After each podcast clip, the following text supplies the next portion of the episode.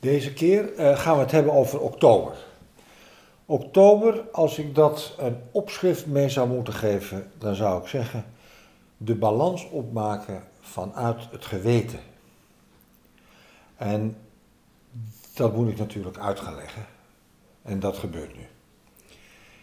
Die balans die komt voort uit september. Als je in herinnering, ik breng in herinnering augustus, het volle leven, waardigheid. Van daaruit kijken naar wat er dit jaar gebeurd is in september. Die vreemde maand waarin we enerzijds de winst- en verliesrekening opmaken van wat er in dit jaar vanaf januari gebeurd is. En anderzijds eh, aanlopen voor het nieuwe jaar en in het ritme komen. En om dat aritmische van september, daar, zitten we, eh, daar, daar zijn we nu voorbij. Laatste week van september is dat meestal wel gebeurd. En dan gebeurt er iets in oktober wat gaat over dat die balans echt opgemaakt moet worden. En een echte balans is iets anders dan een winst- en verliesrekening. Die winst- en verliesrekening blijft nog in dat is gelukt en dat is niet gelukt. Maar een echte balans wordt vanuit stilte opgemaakt en vanuit de geweten. Het is alsof je, niet alsof, je wordt heel stil. En je denkt, wat was nou passend? Wat was nou niet passend? Wat klopt er bij mij en wat klopt er niet bij mij qua activiteit? Dat is een slag anders en een slag verdiepender dan de winst- en verliesrekening. Dat is gelukt en dat is niet gelukt. Het is die diepte die, als je goed kijkt, in oktober ook buiten kan zien. Soms wordt het in oktober, zeker als het een mooie nazomer is, wordt het heel erg stil. Dan zijn de kleuren, de Indian Summer is in oktober, de tweede, derde week van oktober. Dan is het een kleurenpracht. Maar te midden van die kleurenpracht voel je dat het heel stil aan het worden is, als het begin van de winter bijna. Um, die vreemde combinatie van aan de ene kant die kleurenpracht, de opbrengst zal ik maar zeggen, en aan de andere kant, ja, het is wel het einde. Dit is het einde van de rijping ook. Die combinatie is de balans opmaken vanuit het geweten. En het geweten vraagt erom om stil te zijn. Als er geen stilte is, is er geen geweten. En daarmee zeg ik iets over de maatschappij waarin we op dit moment leven. Dat heb ik vorige keer ook al gedaan en de keer daarvoor ook. Maar ik blijf erop terugkomen omdat de stilte het grootste slachtoffer van de consumptiemaatschappij is. Uh, we zijn 24/7 bereikbaar. Dat is niet verstandig. We zijn 24/7 kunnen we dingen doen. Doe dat niet. Expansie, contractie, contractie bestaat. Het is niet 24/7 expansie. Er zit contractie en stilte in. Waar de contractie verloren gaat, gaat de stilte ook verloren. De winkels open op zondag. Ja, geen slecht idee. Maar het is ook belangrijk om even stil te zijn.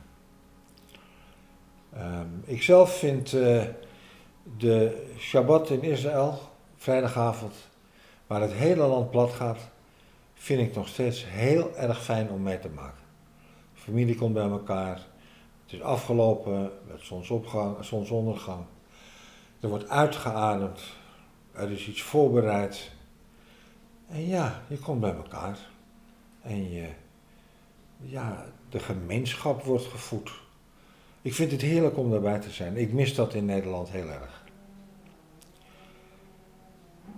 Zondagochtend is eigenlijk een ochtend waarin je stil moet staan. Je hoeft van mij niet meer naar de kerk, maar je moet wel je eigen kerk maken.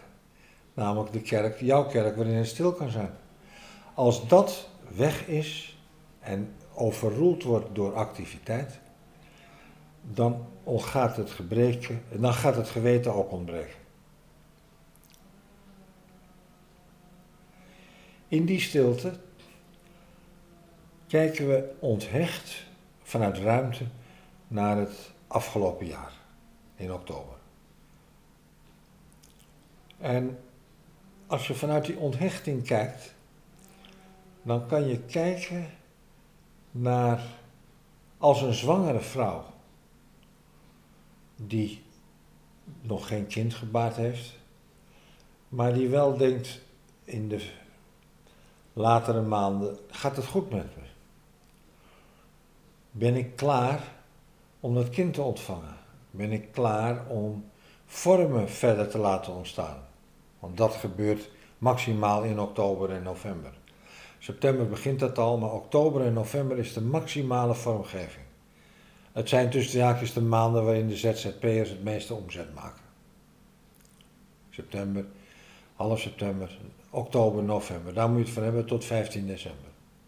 Dat is een maximale vormgeving die gek genoeg, paradoxaal genoeg, maar dat gebeurt veel, gekoppeld is aan die stilte. Het lijkt haast wel alsof de stilte de effectiviteit verhoogt van de vormgeving. Dat kan je allemaal ervaren in oktober. De wetten van een zwangere vrouw zijn dat ze de vorm die in haar groeit beschermt. Dat kan je zelfs zien aan iedere zwangere vrouw. Die heeft een soort aura om zich heen, energieveld, waardoor ze anders wordt dan als ze niet zwanger is. Het is dat wat je je voor moet stellen. Ze is voorzichtig, doet geen gekke dingen. Ze is dankbaar. Dat zijn precies de woorden die passen bij oktober en het geweten.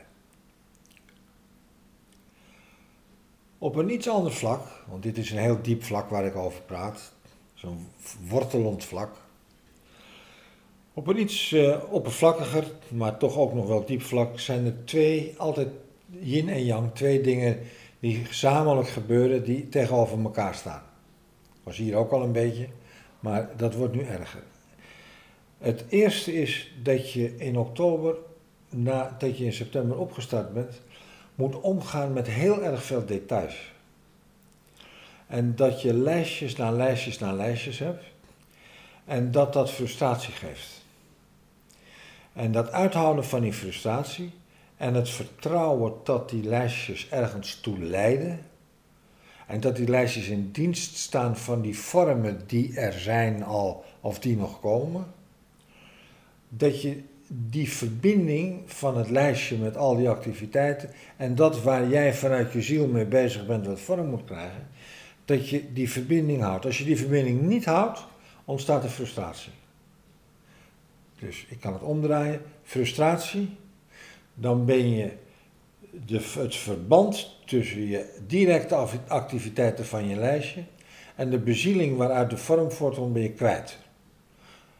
Dat betekent dat je stil moet worden. Daar hebben we het er net over gehad. Dat is een goede aanwijzing voor oktober als dat gebeurt. Nou, dat omgaan met die details, met die lijstjes, uh, dat is de ene kant. De andere kant is dat je ook enthousiast mag zijn. Zeker naar andere mensen. Je mag de opwinding die je hebt over het jaar, de opwinding die je hebt over de vormen die zich manifesteren, de opwinding die je hebt over het geld wat je maakt, de opwinding die je hebt over uh, het gaat goed, uh, het is fijn dat het gebeurt. Die opwinding die kan je delen. Een metafoor is dat je mensen optrommelt. Het trommelen, waarin mensen opgeroepen worden om ten strijde te trekken, is een te groot woord, maar om bezig te zijn met incarnatie, om bezig te zijn met vorm, inclusief jezelf. Daarin neem je mensen mee en je gaat aan de slag. Zin hebben en aan de slag gaan. Versus details en die bewaren, eh, de verband bewaren met het grotere geheel.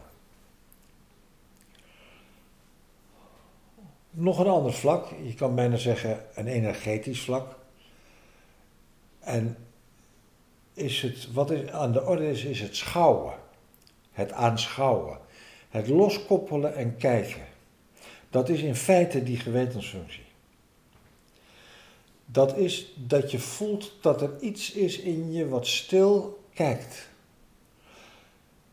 Dat is hoe je door die dualiteiten heen komt van enthousiasme en, en, uh, en details.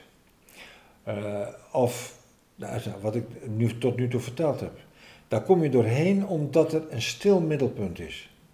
En dat is um, de beschouwing. En daarvan vind ik een heel erg mooi, mooi beeld in het oude China. Daarin, als er ruzie was in een dorp, en mensen hadden fetes, de verschillende families, uh, dan, dat, dit is een gewoonte van rond 500 voor Christus, dan gingen ze naar de dichtstbijzijnde grot waarin een Taoïst zat, een wijze, uh, iemand die mediteerde. En die vroegen ze om naar het dorp te komen. En daar bouwden ze midden in het dorp, uh, bouwden ze een torentje, drie, vier meter hoog, met een dakje erboven. Zodat, uh, en daar zetten ze die man neer. In een stoel en, in, en er was een bed waar hij kon slapen en die kreeg eten. En die man die, die is af ja, die grot zat of op dat torentje, dat maakte die man niet zoveel uit. Maar die keek. En iedereen voelde dat er naar hem of haar gekeken werd. En het feit dat iedereen dat voelde, was de methode van correctie. Dus dat betekent dat het toen nog zo was dat als een belichaming van het geweten naar jou keek, dat je dan voelde of je in orde was of niet. Wat kinderen ook met hun ouders hebben. Als je iets gedaan hebt wat niet kan, dan verraad je meestal jezelf naar je ouders. Dan ga je meestal raar gedrag vertonen. Als je dat niet doet, dan merken ze het niet. Maar dan ben je wel afgewend van je geweten. Nou, het is dat mechanisme wat we vandaag de dag helemaal kwijt zijn. Want op wie letten we nou? Wie vinden we nou dat de moeite waard is dat als die aan ons denkt, dat we dan gecorrigeerd worden? Bestaat bijna niet meer. Dit is het geweten. Dat is de stilte waar ik het over heb. Die in jouzelf op dat torentje zit. Stel je dat voor. En als laatste, en dan ben je veel meer met de buitenwereld bezig.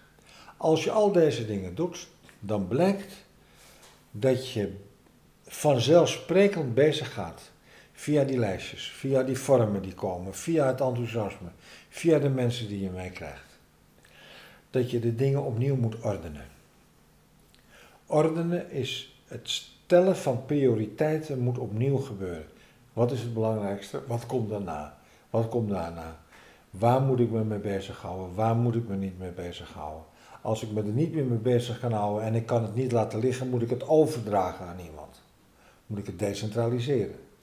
Uh, dit is de ordening die nodig is om het draagvlak voor de winter klaar te maken. Dat, zodat er een draagvlak blijft in je activiteiten die verbonden is vanuit rust met waar je feitelijk met de vormen waar je mee bezig wil zijn. Nou, dit is de maand oktober.